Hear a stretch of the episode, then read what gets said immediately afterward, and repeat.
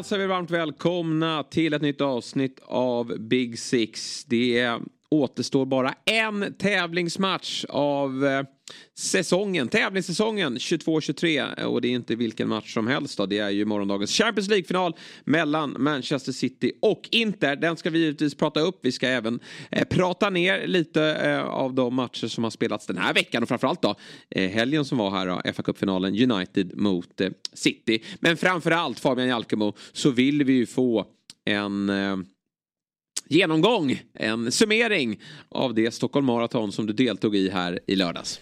Fan, det, kän det känns länge sen, alltså när man spelar in de här ja. tre dagarna, det känns som man har förträngt det men eh, Nej det var Hur känns kroppen? Uh, jag har faktiskt inte tränat, jag blev sjuk i veckan uh, Det var väl en en, eh, ja men sen när man skjuter ut sig totalt fullständigt både mentalt och fysiskt eh, så kändes det som att kroppen reagerade på det. Så jag har varit ganska risig i veckan. Men, eh, nej fan vilken, vilken jävla upplevelse det var. Eh, och det, eh, nej, det, var, det var kul som fan men eh, det, det var jobbigt. Eh, Och det, det, kan man ju tänka sig när man ska löpa 4,2 mil men nej fan det var, det var så jävla mycket folk i Stockholm, det var bra väder, nästan lite för bra väder för löpning och Alltså jag slog ju min måltid med typ 10 minuter så jag är fruktansvärt jävla nöjd med allting och det var, det var sjukt mycket folk och sen så Sen så, jag hade ju som mål, det pratade vi om att jag, att jag hade som målbild att gå i mål för att hinna till, till finalen men jag kände, jag gick ju mål typ, vad fan var den? Om den var typ så här 49 eller någonting eh, Något i den stilen, så med 10 minuter kvar så låg man helt utpumpad, utmattad på Stockholms stadion, fick i sig lite vatten, fick en öl. Och sen kände jag så här bara, alltså jag, jag har inte i mig att liksom jogga till, till O'Learys Hötorget som jag skulle kolla på matchen vid. Men, och sen när det plingar till efter, vad var det, 11 sekunder ja. Motivationen vart ju inte bättre direkt. Så jag kände, polaren sa bara Skit i första halvlek istället, jag bara, ah, jag ska fan göra det. Så det, jag, jag landade lite, låg på Östermalms IP, återhämtade mig, fick en kall öl och, Eh, och sen så knallade jag till eh, och kom dit lagom till domaren blåste av för första halvlek. Så det, det, har varit, ehm, det var uppladdningen för matchen helt enkelt. Ja, jag förstår det att det skulle bli tajt. Jag följde dig. Jag visste ju vad du hade för måltid och blev väldigt imponerad av när du sprang in på, vad var det, 3.40 eller? 3.35, 23 tror jag ja. eh, officiella vart. Otroligt Så, imponerande. Ja, men det, det, är ju... det är ett, eh, sen jag, om, jag, om man får brasklappa lite jag fick ju springa om, jag startade ju absolut längst bak, jag hade startnummer 19 000 och jag tror jag slutade på typ så här 1700 placeringar så jag har ju sprungit om fruktansvärt mycket, det blir mycket kryssande. Så mm. Är jag dum i huvudet nog så kommer jag anmäla mig nästa år och få en bättre starttid så uh, målsättningen är redan uppe för uh, att putsa den där tiden rejält. Mm, det är klart att du ska göra det. Men vi går väl då till det som utspelade sig efter då. Att du hade tagit dig i mål. fa Cup-final, en laddad sådan såklart. Med två stadsrivaler i form av Manchester United mot Manchester City. Och jag tror att många lag när de kliver in mot Manchester City känner att vi måste försöka hålla tätt första 15-20. Vi har sett City kliva ut i många stormöten den här säsongen och få eh, nej men, eh, dels få tidiga ledningsmål men också storma fram och bara ösa på första 20 minuterna. Eh, det höll som sagt bara i 11 sekunder. Sen gör ju Gündogan det här 1-0 målet och det är ju på alla sätt och vis en mardrömsstart för Manchester United. Och man hämtas ju efter det, för jag tycker att man, man spelar upp sig och, och, man får den här straffen. Men det präglar ju någonstans ändå eh, hela matchbilden av att City får, får energi i matchen. Ja, jag tycker det också. Och sen, alltså jag tycker att det är en sån fruktansvärt svår match att analysera på så många sätt. Jag tycker i grund och botten, alltså det, det känns uddlöst stora delar av andra halvlek. Eh, men så här, om man zonar ut och så här landar i hur bra City har varit den här, den här våren, hur man har kört över motståndare i de absolut viktigaste matcherna så jag kan inte komma ifrån att jag tycker att Manchester United gör en ganska bra match. Jag tycker inte City skapar jättemycket. Jag tycker att United har, ja men en del chanser och har man rätt dag så får man in någon. Garnacho har någon han viker in på klassiskt ryset. En, en, en väldigt, en, en situation som är väldigt mycket kalabalik i slutet när Scott McTominay har ett ganska bra läge. Eh, och samtidigt som Alltså du kan inte släppa in målet som David de Gea gör eh, i andra halvlek om du ska slå Manchester City. Det är ingen hundraprocentig tavla men ska du slå Manchester City, det här Manchester City så måste du ha en målvakt som har dagen och United eh, har inte den målvakten just nu. Eh, men eh, svåranalyserad match. Jag, jag, som sagt, jag tycker att United gör en ganska bra match. Vad, vad, vad känner du när jag säger så? Nej, men jag tycker också det. De, de står upp på ett bra sätt. och Eh, man har ju sett eh, betydligt större klasskillnad mellan lagen i tidigare möten. Här tycker jag ändå att United står upp på ett hyfsat sätt, men, men för det, eller står upp på ett bra sätt. Men det är ju City såklart som, som är eh, det, det bästa laget. Och det fanns väl lite oro är det ju inte eftersom jag inte bryr mig eh, nämnvärt. Men det fanns frågetecken kring hur City eh, skulle kliva ut och, och ehm, eh, prestera i den här matchen med tanke på att det har gått en tid nu sedan man blev klara för Champions League-final. Det har gått en tid sedan man blev ligamästare och vi har nästan hört en lite irriterad pepp på presskonferenserna när han har nämnt att det, det är många som har eh, skavanker och ända sedan titlarna blev eh, och, och finalplatsen blev klar här så, så är det många som, som har, har gått ner sig i träning och att de inte är fully fit. Och då undrar man ju liksom den här långa perioden eh, emellan då och hur den har skadat City. Men jag tycker att City som helhet gör en, en inte sin bästa match, men, men de gör en bra match. En absolut tillräckligt bra match för att få, få lyfta pokalen. Men eh, det tycker jag också att United kan känna att de, de, de står upp på ett bra sätt och det är ju eh, det är ju en jämn match, sen faller ju mål. Alltså det, det är en, alltså, resultatmässigt, United är ju med i hela matchen. Mm. Och, och, eh, det är ju bara ett mål som, som skiljer lagen åt och, och det finns faktiskt lägen och det hade inte varit eh, det sjukaste man hade sett om, om United hade fått in ett kvitteringsmål. Men jag tycker väl att United saknar ja, men som vi varit inne på hela säsongen, ytterligare någon spetsspelare offensivt framförallt då. Bänken, och, eh, bänken jag, är ju för dålig, alltså när man ska, när man ska ja. gå för, alltså dels Christian Eriksen tycker jag visar ännu en gång, han är inte tillräckligt bra att spela de här matcherna när man möter så högkvalitativt motstånd. Han ska spela på hemmaplan mot sämre motstånd. Här är han för dålig för att starta och han, det är han som tappar Gündogan i andra bollen på, på 2-1 målet exempelvis. Och sen ska man gå för vinsten, det är vägghåll, alltså Garnacho tycker jag gör ett väldigt pikt inhopp. Eh, nu kommer jag låta raljant men Kyle Walker har blivit känd senaste tiden för att plocka bort eh, Mbappé och, eh, och Vinicius Junior men fan Garnacho, han hade inte en chans.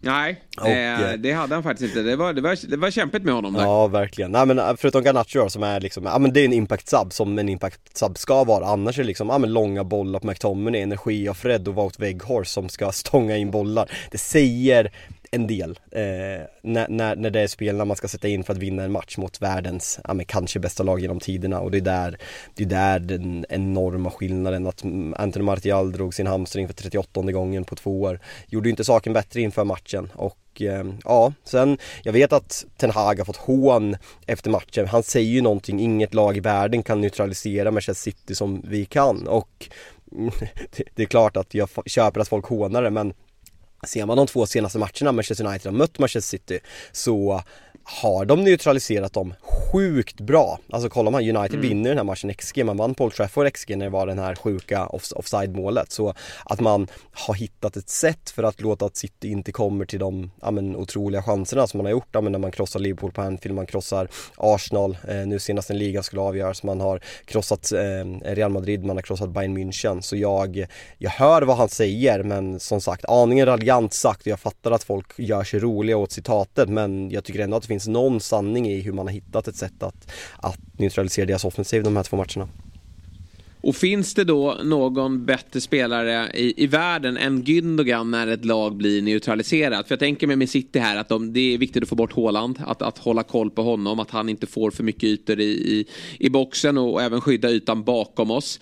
Ehm, eh, Kevin De Bruyne också givetvis att han inte får eh, för mycket eh, ytor och boll, att man kommer upp i pressen på honom. Men då är då han alltid smyger fram, tysken, Gündogan. Och vilken avslutning på vad vi tror är City-karriären, för det är ett utgående kontrakt och det finns såklart stort intresse, inte bara, det finns intresse i Premier League. Har väl svårt att se, om nu sitter jag erbjudet ett kontrakt, varför han då ska gå till någon annan klubb när han faktiskt har tagit den där platsen och gjort den till, till hans då men, men det finns intresse från spanska ligan och det är väl någonting som alltid lockar att, att kunna eh, få spela för, för eh, någon av jättarna där nere. Men sen också vet vi att Saudiarabien har kommit, eh, eh, gjort en, en, gått på en offensiv räd här och inte bara eh, försökt attrahera de absolut största namnen utan även går på, på eh, spelare som, som har lite, eh, ska vi kalla det, sämre varumärke då. Eh, med tanke på att Kanté har blivit klara men som håller eh, Är det inte, är det, är det inte skönt? Jag vart, jag vart, får man säga att man blir glad eller?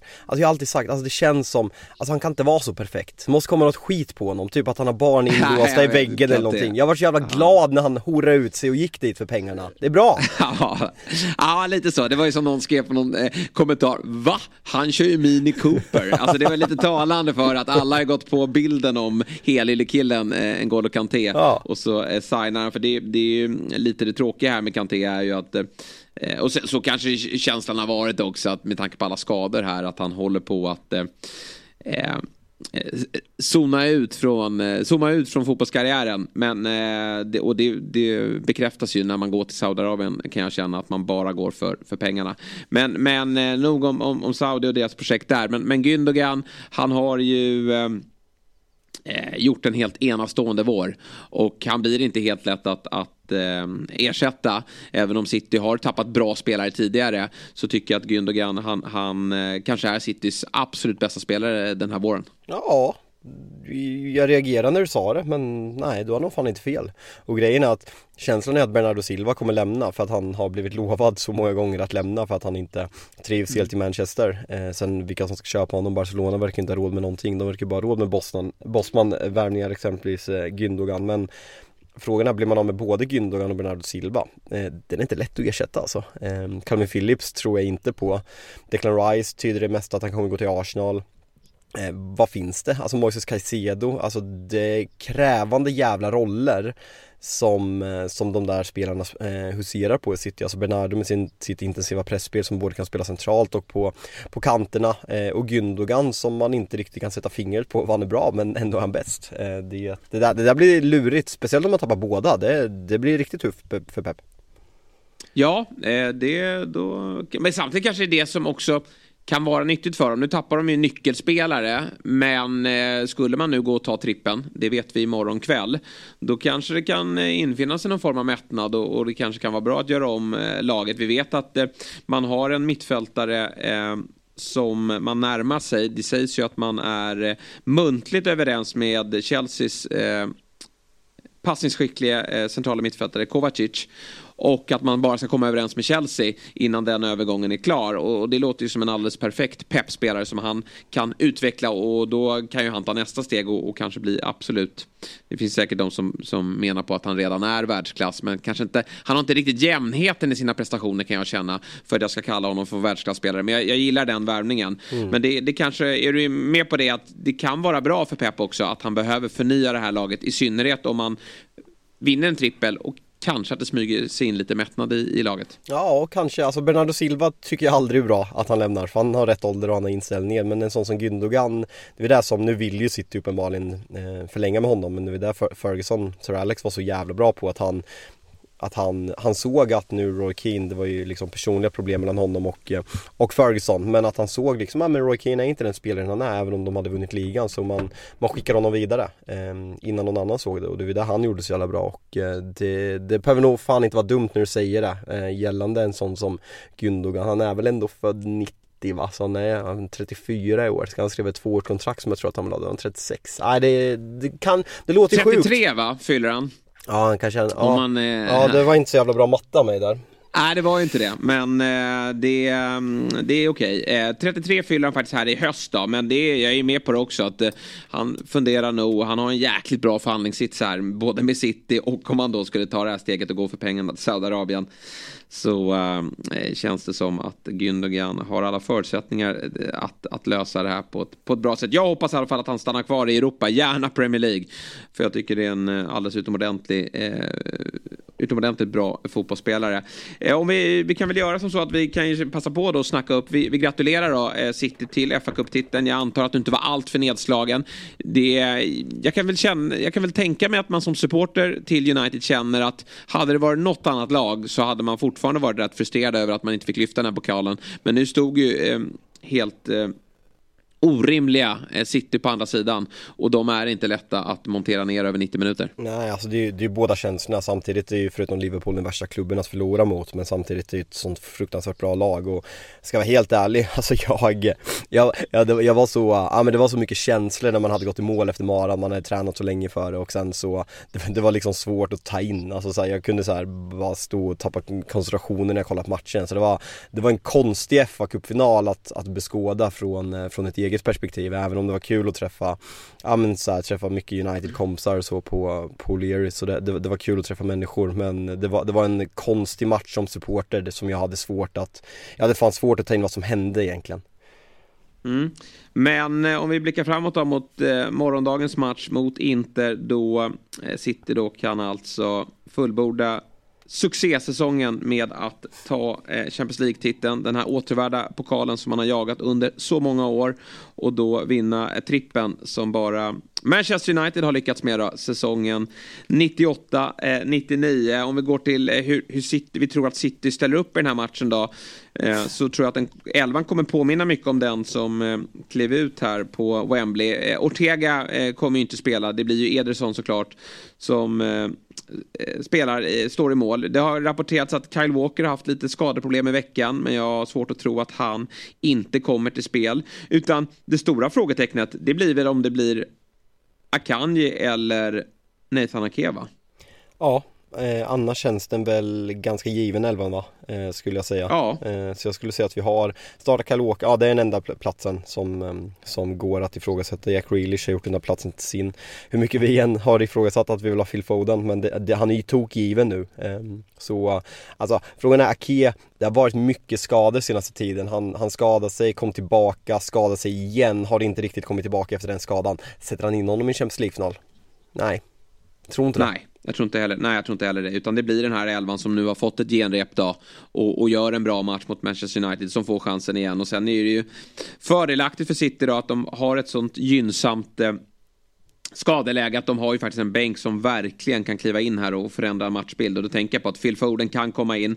Vi har eh, Alvarez som, som eh, haft en otroligt fin säsong bakom sig och även Riyad Mahrez då. Så det, det, det här är elvan som kliver ut där men den kan ju såklart förändras löpande. Och eh, det, det, blir väl samma för Inter här som för United att försöka hålla emot. Jag tror att det blir ett City som blåser på första 15-20 minuterna och försöker skapa sig en, en eh, ja men dels skapa ett tryck för det matchbilden inte gillar ju att stå lågt och försvara eh, lågt och, och, ställa om istället. Och det är ett City som, som trivs med att ha mycket boll. Och nyckeln för Inter är ju att eh, stå emot och sen kanske få ett City att börja fundera på om det står 0-0 efter 20-25. Vänta nu, vi är i en Champions League-final. Vi får inte in bollen ska historien upprepa sig? Mm. Det är väl lite det City, eller inte måste hoppas på. För om eh, eh, City får den här starten som de hade till exempel mot Real Madrid. Och då ska det sägas att hur bra man än är på att försvara lågt, om City kliver ut och gör den prestationen, ja, då är det omöjligt för Inter att vinna den här matchen. Ja, alltså de, de, de är jätteunderdogs. Alltså så här, vi ska inte sitta och låtsas att vi ska försöka snacka upp att det finns en större chans än vad det, än vad det finns. Men City har City haft problem med något, eh, någon uppställning i år så är det när de möter fembackslinjer. Där är inte starka. Eh, Simeone är en erkänt stark kupptränare. Han har haft problem i ligan egentligen både i Lazio och i, i Inter men har haft eh, skördat väldigt stora framgångar i kuppen. Vann ju exempelvis eh, Coppa Italia i år där man slog Fiorentina i finalen. Eh, sen har man ju fortfarande Alltså Lukaku, vi vet inte ens om han kommer starta den här matchen eller om det blir Dzeko, men man har, man har ju matchvinnare, Lautaro Martinez har ju varit trick, han hade ju en dipp under VM självförtroendemässigt och sen även efter, men han har ju kommit igång rejält och skjutit Inter till den här finalen och även Lukaku, Dzeko, alltså det finns ju högkvalitativa matchvinnare i den här truppen. Eh, sen som sagt, City är jätte, jätte, jättestora favoriter och jag, jag kan ju verkligen inte se något annat. Alltså, att man har som argument att Pep alltid går bort sig i Champions League, det är ju ett ganska uselt argument i grund och botten. Alltså det, det är ju bara att man hoppas. Ja, alltså så här, vi pratade lite om matchen här i, i Fotbollsmorgon i morse och, och, då ställde jag frågan som inte har stenkoll på inte. Blir det Dzeko eller Lukaku? Vi vet ju att Dzeko har spelat de större matcherna mot slutet. Startade väl båda mötena mot Milan i, i, i semifinalerna. Mm. Eh, men jag ser ju här när jag tittar på Inter att Lukaku har ju startat de två senaste matcherna.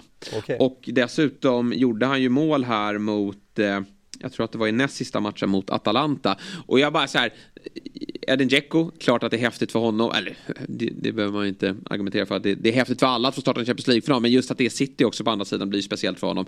Men, men Lukaku är ju mer en omställningsspelare. Och eh, nu har han fått två starter här och, och gjort det bra bredvid den glödhete, fortsatt glödhete Lautaro Martinez. Ja, det, det, är möjligt att jag är helt fel på det men, men jag hade ju startat Lukaku i den här matchen. Ja, den kollar jag för lite på. Jag har inte sett Inter jättemycket i år men man ser, man, man ser ju framför sig hur ska Dzeko, alltså så här, vad har Dzeko som ska straffa den där backlinjen? Alltså jag, jag kan mm. inte se någonting, alltså det enda sättet, alltså Lukaku har ju speeden, han har kraften, eh, han kan straffa alla backlinjer. Så eh, jag, jag hade gjort samma sak men eh, som sagt jag har sett inte för lite för att veta vad, hur man spelar och hur, hur man kommer kunna ställa upp bästa sätt om man vill ja, men, ha Dzeko som en uppspelspunkt för att liksom vara en länkspelare till Lautaro. Eh, det är inte helt omöjligt. Nej, eh, spelbolagen är ju i alla fall överens om att, och det är väl de flesta, att City är eh, stora favoriter. Men så, samtidigt så har vi alla koll på förbannelsen och att det kan sprida sig en oro. Skillnaden den här gången mot när de eh, spelade i Champions League-final senast är ju att de har en, en riktig nia. Eh, i form av eh, Håland. Rod Rodri när... på plan också. Ja, precis. Rodri på plan också.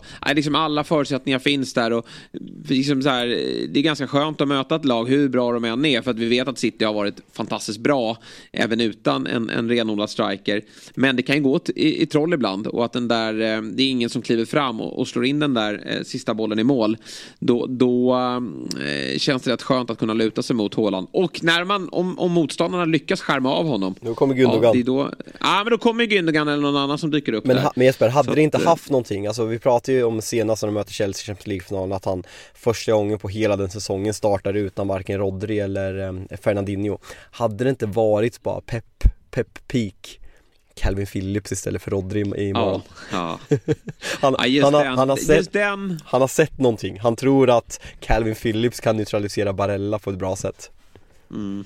Nej men om vi ska ta dem, den diskussionen då. Eh, Peps, hur, hur övertänker han i den här matchen? Vad skulle inte, kunna ske? Inte, tror, inte alls. In, nej, jag tror inte heller det. Det är väl om man byter ut någon av yttrarna. Säg att han eh, känner att eh, han vill ha Mares för att han är bättre i en mot en spelet. Mm. Eh, mot, mot någon av eh, antingen Inters, eh, Inters eh, wingbacks. Om det, jag vet inte vem som spelar ute till vänster. De har ju Håsen där men jag tror inte han kommer starta. Spelar Dumfries på eh, ena kanten va?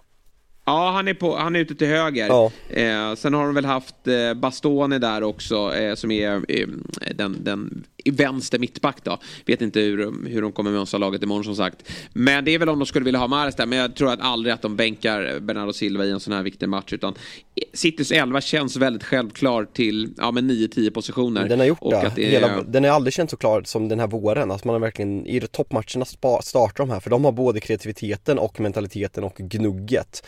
Um, så nej, fan den känns klar på någon. Jag kan inte se pepp. Ja, och men... kanske att det är någonting som har gjort att City är så bra den här våren. Att, att Pep äntligen då, han har ju såklart dragit nytta av att han roterar mycket under säsong. För att han får eh, spelarna lite fräschare.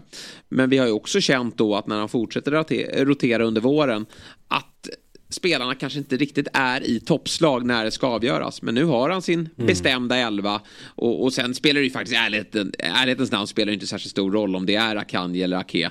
Eh, det, är liksom, det, det är två mittbackar som har skolats om i lite av en ny roll.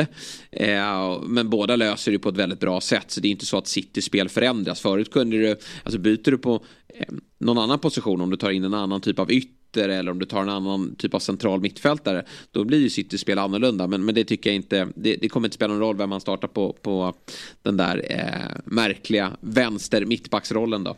Eh, så att eh, vi, vi, vi vet vad vi förväntar oss av eh, City. Och det är väl bara finalspökena som, som kan ställa till det för de här. För annars kommer de vinna.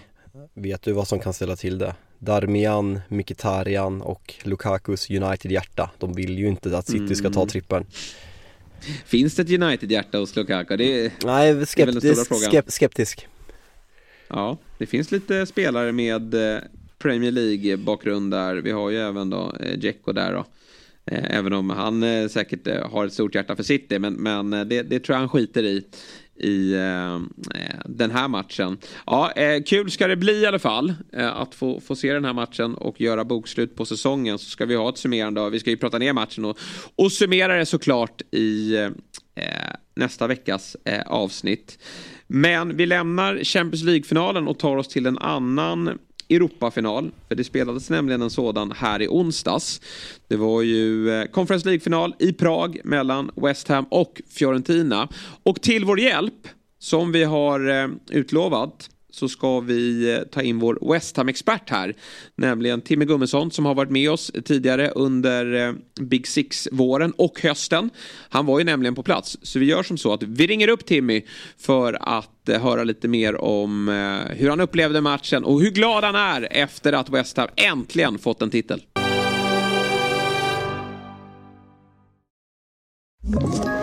Ett poddtips från Podplay. I fallen jag aldrig glömmer djupdyker Hasse Aro i arbetet bakom några av Sveriges mest uppseendeväckande brottsutredningar. Går vi in med hemlig telefonavlyssning och, och då upplever vi att vi får en total förändring av hans beteende. Vad är det som händer nu? Vem är det som läcker? Och så säger han att jag är kriminell, jag har varit kriminell i hela mitt liv men att mörda ett barn, där går min gräns. Nya säsongen av Fallen jag aldrig glömmer på Podplay. Då inleder vi väl med att eh, eh, säga stort grattis till vår West Ham-favorit Timmy Gummesson. Ja, tack snälla. Hur, eh, jag får ställa den platta, tråkiga, klyschiga frågan. Hur känns det så här två dagar efter att ditt älskade West Ham har fått lyfta Conference eh, League-bucklan? Um, jag har suttit här nu um, de senaste 20 minuterna. Jag har bara varit hemma här 20 minuter och ändå försökt landa någonstans. Men för det enda jag kan komma fram till är att jag mår jävligt dåligt just nu. Eh, på grund av resa, på grund av alkohol, på grund av allt. Men eh, eh sen är det så svårt att, att, att sätta både ord och på, på känslorna man känner för att man har blivit så överväldigad med, med content och känslor de senaste dagarna. Det, och jag vet inte riktigt när man ska, ska lugna ner sig och landa faktiskt. Um, så nej men helt fantastiskt. På alla sätt och vis. Jag måste ju fråga, har du, har du fått, eh, du pratar om alkohol, har det blivit mer öl liksom i halsen eller har du fått mer öl över dig? För jag har sett bilderna från fanzonen, det, det, kast, det, det kastades en del. Ja, ja och jag, jag, kan förstå varför eh, Biragi började blöda eh, under matchen. För att det, det, var, det var tunga ölglas var det. Eh, men eh, nej, det har nog fått minst lika mycket på mig som i mig. Och då, det säger en del för jag har druckit jävligt mycket öl. Men du, eh, ta oss igenom din, din resa här. På plats nere i Prag. Ingen matchbiljett hade du, men det verkade som att det, det gjorde inget. Nej, det var, det, var, det var så roligt när man var där nere för att vi träffade ett par stycken som hade biljetter och det var liksom, det, man såg snett, man såg ner lite på de som hade biljett. För liksom, du, du kommer hit och ska gå på matchen liksom. Ja. Uh, vi andra 25 000, vi, vi, uh, vi, vi gör Prag på riktigt istället, kändes det som. Uh, så nej, vi såg ju matchen på en stor fanzone. Det var väldigt Sweden Rock-liknande om man ska dra den eh, likheten nu. Det var lerigt och stora öltält och eh, mycket fulla, fula britter. Va, måste... Ja, hur, hur, hur skötte de sig, britterna? Ja, äh, bra faktiskt. Och jag vågar inte tänka på hur det hade sett ut om vi hade förlorat den här matchen. Um, och det tror jag inte parkförvaltarna heller hade velat Fan man skulle blivit parkförvaltare i Prag alltså. Nej men jag tänkte bara fråga, vi läste lite. Eh, upplevde du något stök eller? För jag såg ju lite dagen innan att eh, det var några rusningar från Fiorentina supporter och sådana saker. Upplevde, var det något snack om det? Upplevde du någonting? Alltså grejen var att när jag kom dit, jag såg, eh, det, jag var och tog bild med, med, med trofén och sådär innan. Då såg man ett par stycken men, vi tänkte, men man såg inte så många till en början. Det var väl mer på matchdagen sen som man började se lite mer fans florera och, och sen var det ju några Ultras som eh, drog ner där och det var väl de som stökade med att kasta stolar och elda stolar och det de brukar göra. Men eh, något större eh, rabalder eh, upplevde inte jag det i alla fall. Jag såg lite på Twitter där men eh, nej, ändå rätt städat är min första och det verkade som att ni var ett gäng eh, svenskar också på plats där nere. Jag såg någon bild som du la ut där på, på ditt Twitterkonto att det var, det var flera som hade tagit sig ner och, och stod bakom den där svenska flaggan. Ja, vi var ju ett, vi, vi gjorde en liten Twittergrupp eh, när semifinalen var avslutad med liksom vilka som tänkte åka ner och sådär liksom. Så, och då var vi väl en 10-15 stycken kanske och sen har jag haft kontakten med fyra, fem stycken. Men när vi kom in, särskilt när vi kom in på fanzone eh, och satte upp flaggan inne på ett av eh, öltälten så kom det mycket äldre människor också. Eh, och likadant planet var det också en del på. Så det, det blev ganska många. Vi måste nog ändå varit en, ja i alla fall 30 stycken. Om det ser så mycket men det... Men det är väl ändå, för oss ja, det är starkt. Det är väl ändå ganska ja. mycket. Var Wenström med i leran eller var status där? Nej, jag, jag tror han såg från distans. Jag såg någon tweet om det, att det var från distans. Så, mm. Nej, han, jag vet inte hur mycket eh, man ska titulera Han från en parkbänk istället. ja, precis. Det är så långt han kan sträcka sig. Mm. Men du, eh, matchen då? Jag vet inte hur mycket jag eh, liksom hann du uppfatta av den. Ditt, ditt tillstånd, kunde du liksom... Hängde du med i den? Eh, det första intrycket var ju startelvan. Eh, mm. Vi hade ju en förväntad elva allihopa och det som skilde sig var ju att Emerson startade istället för, för Cresswell. Eh, Just det. Och eh, så här i efterhand så var ju det ett genidrag för jag tycker han är bäst på plan. Eh, nu är det ju Bowen som får avgöra och det är klart att han får man of the match. Men Emerson gör en kanonmatch. Mm. och det kanske var just det här med att han även om han kanske inte har spelat så mycket i de här finalerna så, äh, så har han ändå vunnit en del. Så, ähm, Wonderlot, typ. Förutom, ja, förutom, VM, förutom VM väl? Ja, precis.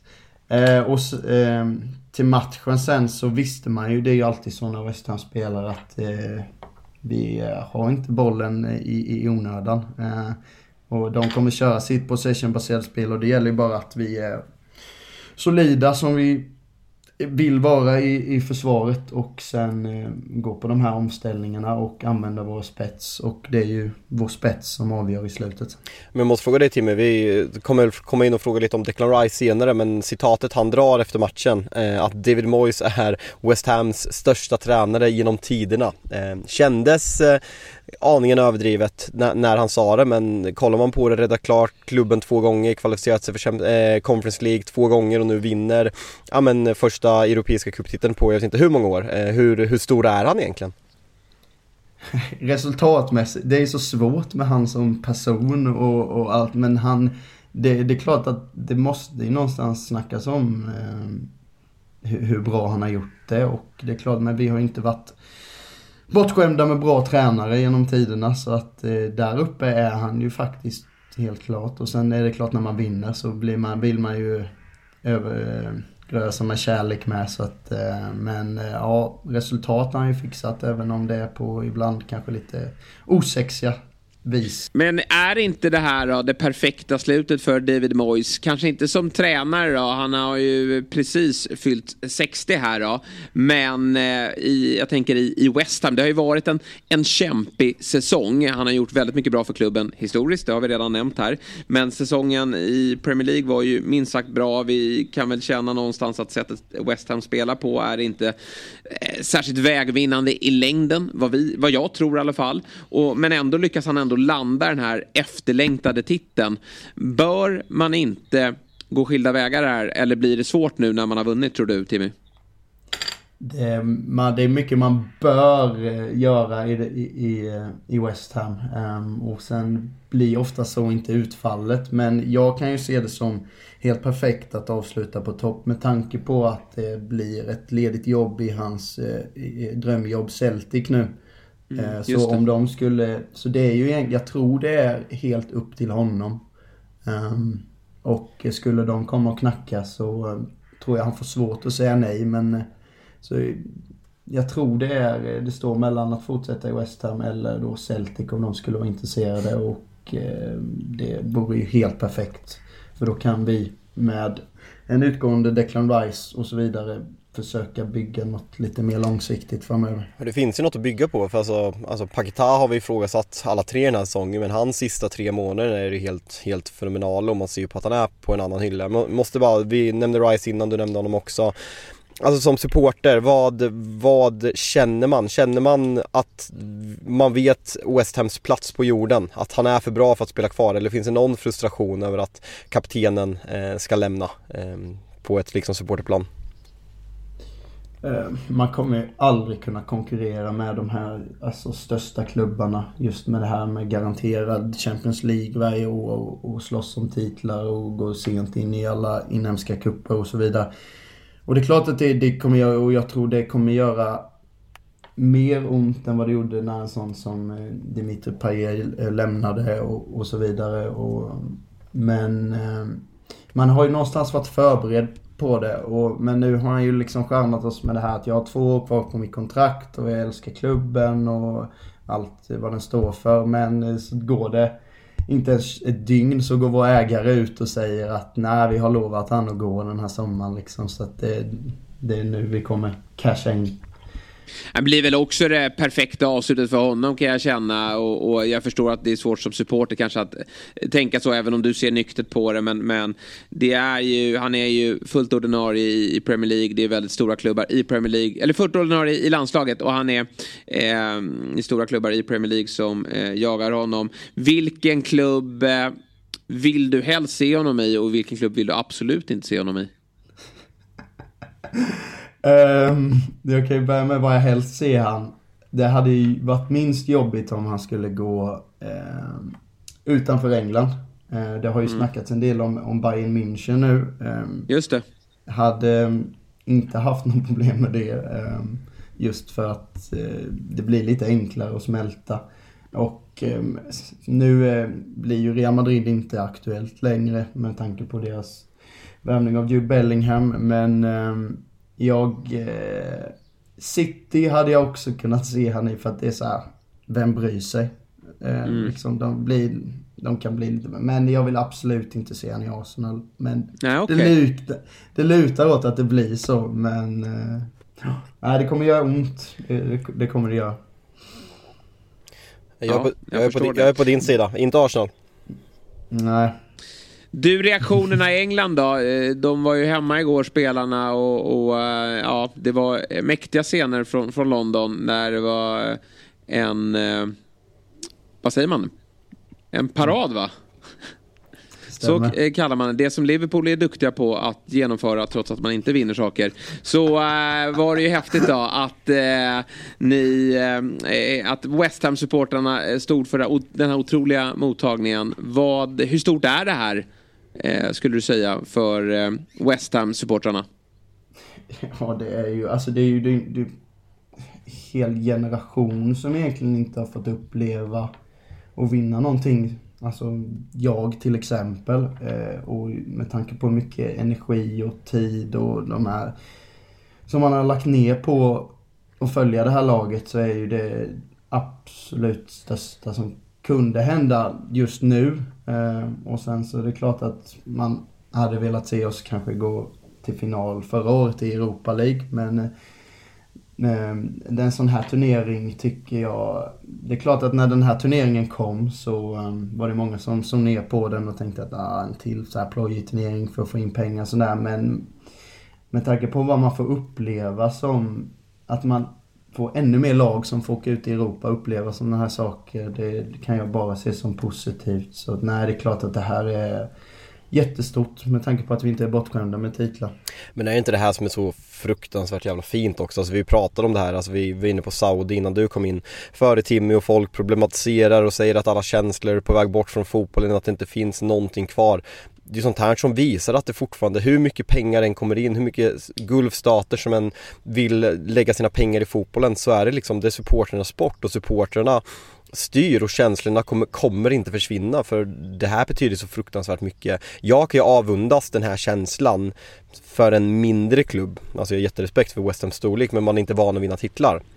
Men den känslan att när man, när man aldrig har vunnit någonting och man får, man får chansen att vinna en sån här titel. Det är bara att kolla på supporterna på bussparaden. Det är ju inte som Jesper var inne på Liverpools eh, bussparad eh, förra året när man vinner FA-cupen och ligacupen. Det är ju inte, det är inte på samma nivå. Alltså glädjen i, i, i West Ham-supporternas ögon här, det, det är ju helt omöjligt att, eh, att, att ta in. Mm. Ja, äh, men jättekul Timmy att eh, ha dig med på nytt. Du, vi kommer ringa tillbaka dig såklart även under nästa säsong och då hoppas vi att vi får eh, prata om lite roligare saker när det kommer till Premier League. Vad känner du att West Ham behöver förstärka eh, innan, innan säsongen drar igång igen? Ja, vi behöver värva tre spelare för att ersätta Declan Rice, så vi kan ju börja där. Ja. Um, sen, v drömnamn? Det... Vad Har du något drömnamn där? Och du får bara peka ut en. Mm. Ja, det där är så svårt. Alltså, drömmen för att ersätta honom finns inte. nej. Nej. Um, nej, jag vet. Men uh, defensivmässigt så Palinja i Fulham är jag väldigt imponerad av. Uh, men uh, det kommer vara fler som vill ha honom. Men uh, han är jag väldigt imponerad av defensivt i alla fall. Nu har ju han haft ett uselt år bakom sig, men jag vill inte ge upp eh, en Diddy i, i Leicester heller. Skulle man inte kunna väcka liv i hans karriär och, och ta, ta in honom från nedflyttade Leicester? Ah, jag är så trött på det här eh, Leicester det, det här nonchalanta Leicester ja. som man har sett med både med Thielemann så är jag också så oerhört besviken på och, och Madison ibland, även om jag tycker Madison är en fantastisk fotbollsspelare så är jag så eh, trött på hur, när det väl gäller någonting, att man har den eh, nonchalanta inställningen till vissa matcher. Och tänker att nej men det är bara att byta klubb när vi åker ner sen. Mm. Så nej, vill helst inte röra en Diddy. Även om jag tycker sån som Harvey Barnes får gärna komma till, till, till West Ham. Han bjuder jag in. Vi behöver en ny vänsterytter. Och Bowen och Barnes på kanterna känns ju i alla fall väldigt mycket David Moyes. Ja, verkligen. verkligen. Får vi se om det händer något på, på tränarsidan också då. Om Moyes tar steget och går till Celtic. Jag tycker att det vore ett perfekt avslut i alla fall. Eh, på hans fina West Ham-karriär. Bra Timmy, eh, du får väl helt enkelt gå och lägga dig i sängen då och ehm, eh, ta igen dig efter de här slitsamma dagarna. Men återigen, stort grattis till dig och ditt West Ham så hörs vi nästa säsong helt enkelt. Ja, tack snälla, det gör vi absolut. Ha det bra. Ha det bra. Hej hej. Hej. Strålande. En bra rapport från firandet nere i Prag får man säga. Du, innan vi avslutar då kan vi väl dra lite lite headlines från dagarna som har gått. Det är ju väldigt mycket silly season såklart nu som eh, det pratas om. Harry Kane, eh, Real Madrid vet vi har tappat eh, Karim Benzema och det känns väl Känns det inte klockrent för alla parter egentligen att Harry Kane bara tar steget till Real Madrid här nu under några säsonger och får vinna lite titlar. Förutom hans eh, målrekord. Alltså, för, alltså, ja, det är precis. Alltså, det bockar av alla para parametrar förutom målrekordet. Ja. Eh, annars vore det jättebra. Jag, jag, tror att jag sa det senast, jag tror inte att han kommer gå till United. Jag tror att Daniel Levy absolut inte vill sälja till United och att det kommer bli för dyrt och United vill inte sätta sig i en sån situation när man sitter och väntar på sin target number one som vi gjorde med Frenkie de Jong förra året eh, fram till augusti. Jag tror inte att det kommer ske. Eh, så jag, jag, just nu ser jag Real Madrid eller inget. Vänta ut och bli bossman med Spurs. Eh, det är det jag ser just nu. Mm. Ja, jag, jag, eh, vill ju såklart ha honom kvar i Premier League men det känns som att det, det där är en övergång som alla kan leva med. Eh, och att Harry Kane då ändå får eh, vinna saker. Och framförallt är han ju en perfekt ersättare till Karim Benzema. Det är ju... Eh, påminner ju alltså bra ute i, i, i, spelet, eh, bra på att länka ihop med, med lagkamrater, men fortfarande vara en, en, en, dödlig striker. Så att det, det går inte att hitta bättre anfallare för det. Och en ledare också, vilket ju Real Madrid behöver när en sån som Benzema eh, slutar, eller ja, vi säger sluta faktiskt, för ja. det är ju vad han gör när han ja. går till Saudi. Och eh, ska stå inför ett generationsskifte. Vi vet att Jude Bellingham är here we goad från eh, Fabrizio Romano. Så det, det, är väl bra att få in någon, någon, lite mer etablerad spelare också. Men vi, eh, det, det är ju lite fram och tillbaka nu. Ibland läser man att Real Madrid inte känner att de har råd. Eh, samtidigt som vi hör också att Harry Kane vill dit. Med, eller, ja, ibland så kommer det upp rykten om att han har, har bestämt sig för att stanna och vänta ut kontraktet och sådär. Men det är klart att tycker jag att för Spurs del, nu när de har gjort klart med en ny tränare också. Eh, Vad heter så han? Eh, är det, ja, Postosoglu va? Ja, fan jag hade inte satt det. Det är bra, jag är imponerad. Att, ja, jag vet, jag vet inte om det är rätt men, men det, jag, det jag går bra. på det och så får, får, får någon rätta mig. Men det är väl lika bra att han får bygga ett nytt Spurs här nu istället för att jobba ett år med Harry Kane. Få in en miljard och, och, och, satsa de pengarna på att eh, bygga om laget. Det, det, tror jag låter eh, bäst för alla parter. Men eh, det roligaste av allt vore ju ändå om han förlängde med Spurs och till slut får lyfta en ligacup-titel. Fy fan vad deppigt. Ja, det är lite smådeppigt. Men det, det, och framförallt då målrekordet. Eh, annars så vet vi då att eh, Postosoglu är klar. Vi eh, var ju skeptiska och det är väl på grund av okunskap såklart. Man har inte jättebra koll på honom. Men jag lyssnade till eh, Sead Haksabanovic som gästade Fotbollsmorgon här tidigare i veckan. Han eh, spelar ju sedan ett år tillbaka i Celtic och haft då eh, Postacoglu som tränare. Och eh, beskrev ju honom, det är väldigt intressant att höra vad han är för typ av tränare. Men det verkar vara en eh, väldigt offensiv tränare, vilket ju ligger i linje med vad Spurs någonstans vill men inte har lyckats med. Det har ju varit väldigt baktunga Spurs-upplagor under Conte och, och, och, Mourinho. Det känns inte som att det är the Spurs way att man, man blåser på framåt utan det har varit eh, defensivt inriktat och utan att få resultat. Och när det är defensivt inriktat och inte får, man, man får resultatet med sig, ja, då blir det ju ehm, eh, sällan eh, särskilt lyckat och, och supportrarna blir eh, ganska så eh, Eh, otåliga. Men eh, alltså australiensaren ska vara eh, offensivt lagd. Har ju eh, liksom spelar med inventerade ytterbackar. Eh, så det, det, är en modern tränare. Och eh, han, han, han berömde honom verkligen. Eh, såklart för vad han har lyckats med i Celtic. Sen är ju det här en, en ny nivå. Men det ska bli kul att följa och jag gillar att, att höra det. Att eh, det är ett spår som ska gå framåt. Ja, sen utifrån utan att ha sett eh, honom i, i stort sett någonting i Celtic, alltså vad, vad skiljer honom från Brennan Rogers? Alltså Brennan Rogers vann också allt han kunde vinna i Celtic, helt övertygande. Mm. Eh, och dessutom var han en halkning ifrån att vinna Premier League innan det. Så känns, nej, jag, jag är jätteskeptisk. Jag är jätte, alltså här, hade han varit tillräckligt, ju... hade han varit tillräckligt bra, hade han haft en bättre klubb innan, hade han varit mer uppsnackad, han hade haft en större tränarkarriär tidigare. Eh, vi har ingen europeisk erfarenhet. Vi har ja, men vi har erfarenhet från en liga som, som man vinner med Celtic. Om man, eh, mm. De hade väl två år där när Gerard vann med Rangers men annars har man vunnit typ 14 eh, av de senaste 16 eh, säsongerna killgissar jag mig ut här från absolut på inga grunder. Eh, jag är jätteskeptisk. Eh, han, får, han får motbevisa mig men eh, det känns som en nödlösning när extremt många människor har tackat nej på grund av Spurs situation och ovisshet med egentligen allting som står för klubben just nu. Ja, nej, jag eh, ska inte säga att jag är övertygad bara för att Haksabanovic hyllar sin gamla tränare. Men, Haksabanovic, körde, kör, Haksabanovic körde även omkring med en bil för en mille med regnummer Haxa när han bodde i Norrköping. Ja. Jag tar det han ja. säger med en nypa salt. Med all respekt. Jag förstår det. Annars så sägs det i alla fall att eh, Postacoglu vill ha eh, James Madison då. Mm. Till det där mittfältet. Eh, det är eh, återigen Newcastle som också nämns i jakten på Madison som såklart kommer att lämna Leicester. Och det känns väl som att eh, Spurs och Newcastle är en bra nivå för honom. Men då borde väl nästan eh, Newcastle lockar mer då eftersom det då väntar Champions League-spel. Ja, alltså säkrare klubb, du har bättre ekonomiska förutsättningar, du har, ja men ingenting talar för att Spurs kommer ha en bättre kommande tioårsperiod än vad Newcastle gör om man kollar på allt som, ja men som är färdigt i klubben. Det är arenan som är bättre men den kommer ju garanterat rustas upp, rustas upp i, i Newcastle med moderniteter och träningsanläggningar och sådana saker. Eh, sen, det hade varit en perfekt värvning för Spurs, man har ju hungrat efter den där offensiva, kreativa mittfältaren sen Christian Eriksen lämnade för, eller egentligen året innan Christian Eriksen lämnade för han var ju helt utcheckad sitt sista år för att han bara ville iväg. Ehm, så kreativiteten på det där mittfältet har ju varit icke befintlig och det är ju i stort sett Harry Kane som har stått för kreativiteten på det centrala mittfältet när han har droppat ner. Ehm, så det hade varit en väldigt välkommen eh, rekrytering för Spurs.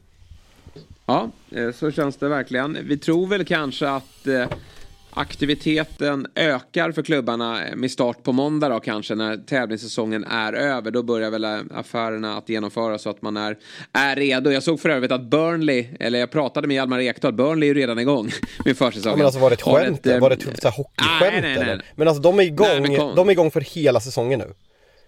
Så här kommer det vara, att de kommer ju släppa iväg spelare nu på, på eh, landslagsuppdrag. Eh, uh, eh, inte alla i Burnley som spelar i landslaget, men det är ganska många som, som faktiskt ska iväg. Sen får de ytterligare en vecka över midsommar. De, jag vet inte om det gäller alla, jag tror att det gäller alla. Och sen är de tillbaka. Men de andra spelarna kommer köra på nu under landslagsuppehållet. De befinner sig i Portugal nu på något försäsongsläger och ska till Portugal sen igen då. Så det är, kompani är galen. Alltså han, han kör stenhårt Eh, med det här laget. Och eh, det är bara för spelarna att infinna sig och köpa det här.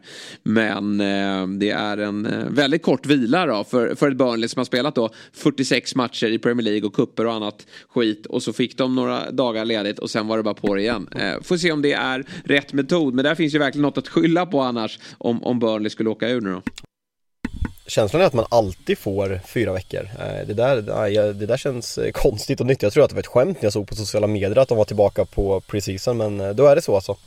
Vad har vi mer? Ja. Har vi någon mer silly-nyhet som det börjar snackas om? McAllister är klar. Ja, tröja nummer 10 alltså för McAllister. Det känns väl som att... Eh, det blir spännande att se vilken roll han får på det här mittfältet. Vi vet att han, är, han är, eh, funkar i, i, eh, i både att vara en mer framskjuten roll på ett mittfält men också en, en lite mer eh, sittande roll. Men är det tröja nummer 10 så talar det väl för att han, han eh, ska bidra med, med poäng framåt. Ja, han är en fin dynamisk tvåvägsmittfältare och återigen Eh, så jävla imponerad över Liverpool gör sina business eh, och alltså hur man gick gack på ryktades till United så jävla länge. Sen tar det en dag så, så skickar van Dijk ut något kryptiskt meddelande i en postmatch intervju och sen är han klar dagen efter. Samma sak med Callison nu har ryktats lite och sen bara BAM!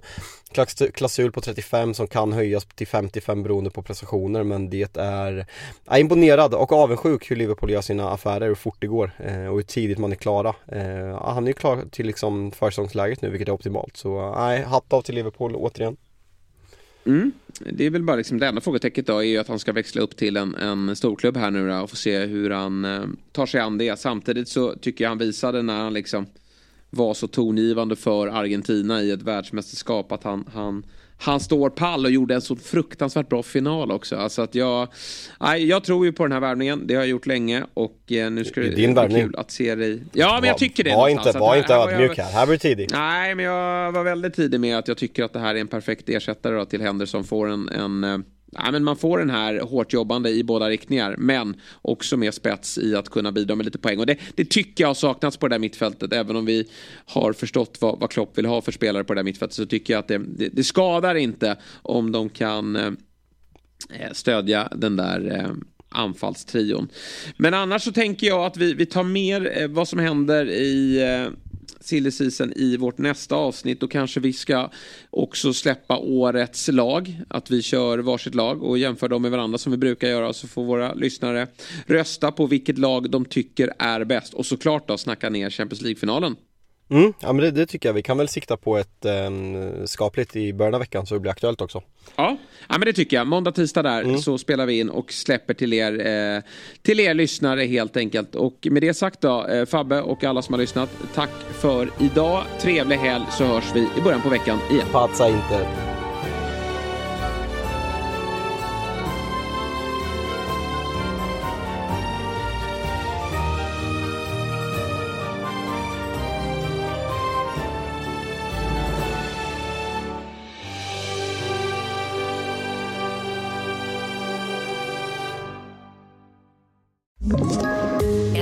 Poddtips från Podplay.